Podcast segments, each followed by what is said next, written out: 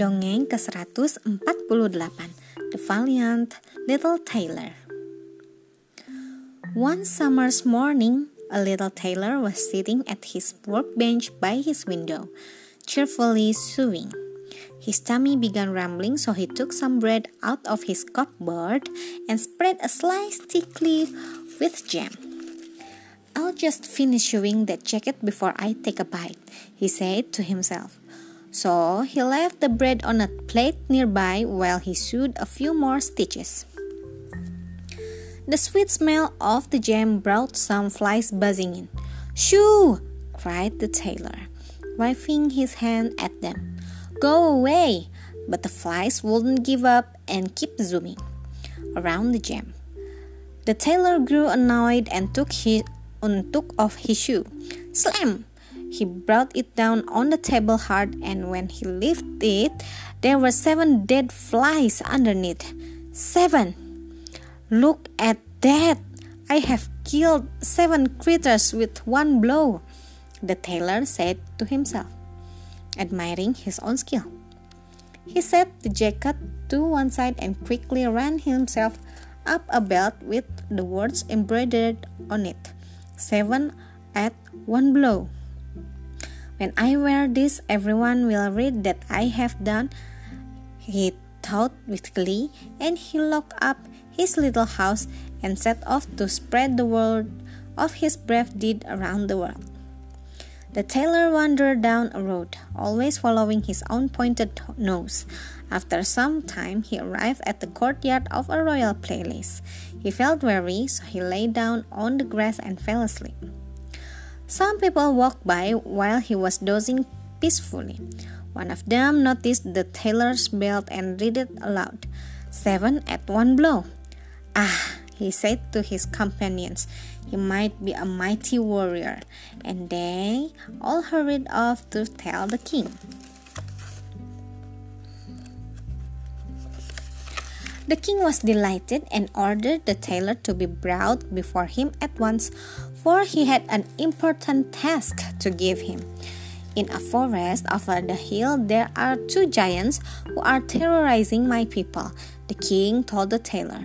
Every day, the giants go out robbing, rob, robbing and murdering people and burning down their houses.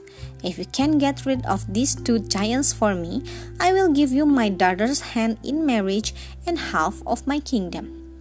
That will be a fine thing for a man like me, thought the little tailor.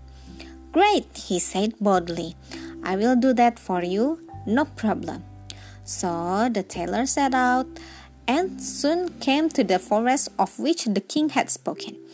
There were the two giants sleeping under a tree, snoring so that the branches waved up and down. The little tailor quickly and quietly gathered two pockets full of stones. Then he nimbly climbed the tree. He perched on a branch just above the sleeping giants and then threw down a stone into the chest of one. Immediately, the giant woke up and gave his friend a shove. Hey, why are you hitting me? he yelled. You must be dreaming. I haven't touched you, the other giant replied.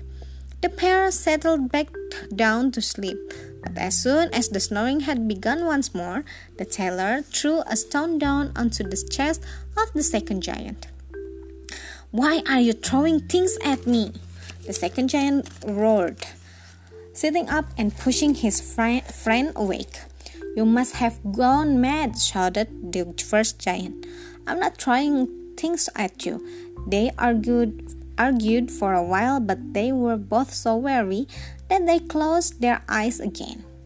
Then the tailor picked the biggest stone out of his pocket and threw it with all his might on the first giant's chest. Now you're for it, the first giant bellowed. He sprang up and punched his friend on the nose. The other hit him straight back, and so it went on until at last they both fell down dead. Then the little tailor leaped down the from the tree and hurried back to tell the king the good news. It is done, he announced. Now, where is my reward? So the king, whether he liked it or not, had to keep his promise, and that is how a cheeky little tailor married a princess, won a half, won half a kingdom, and become a king, all through a sweating flies.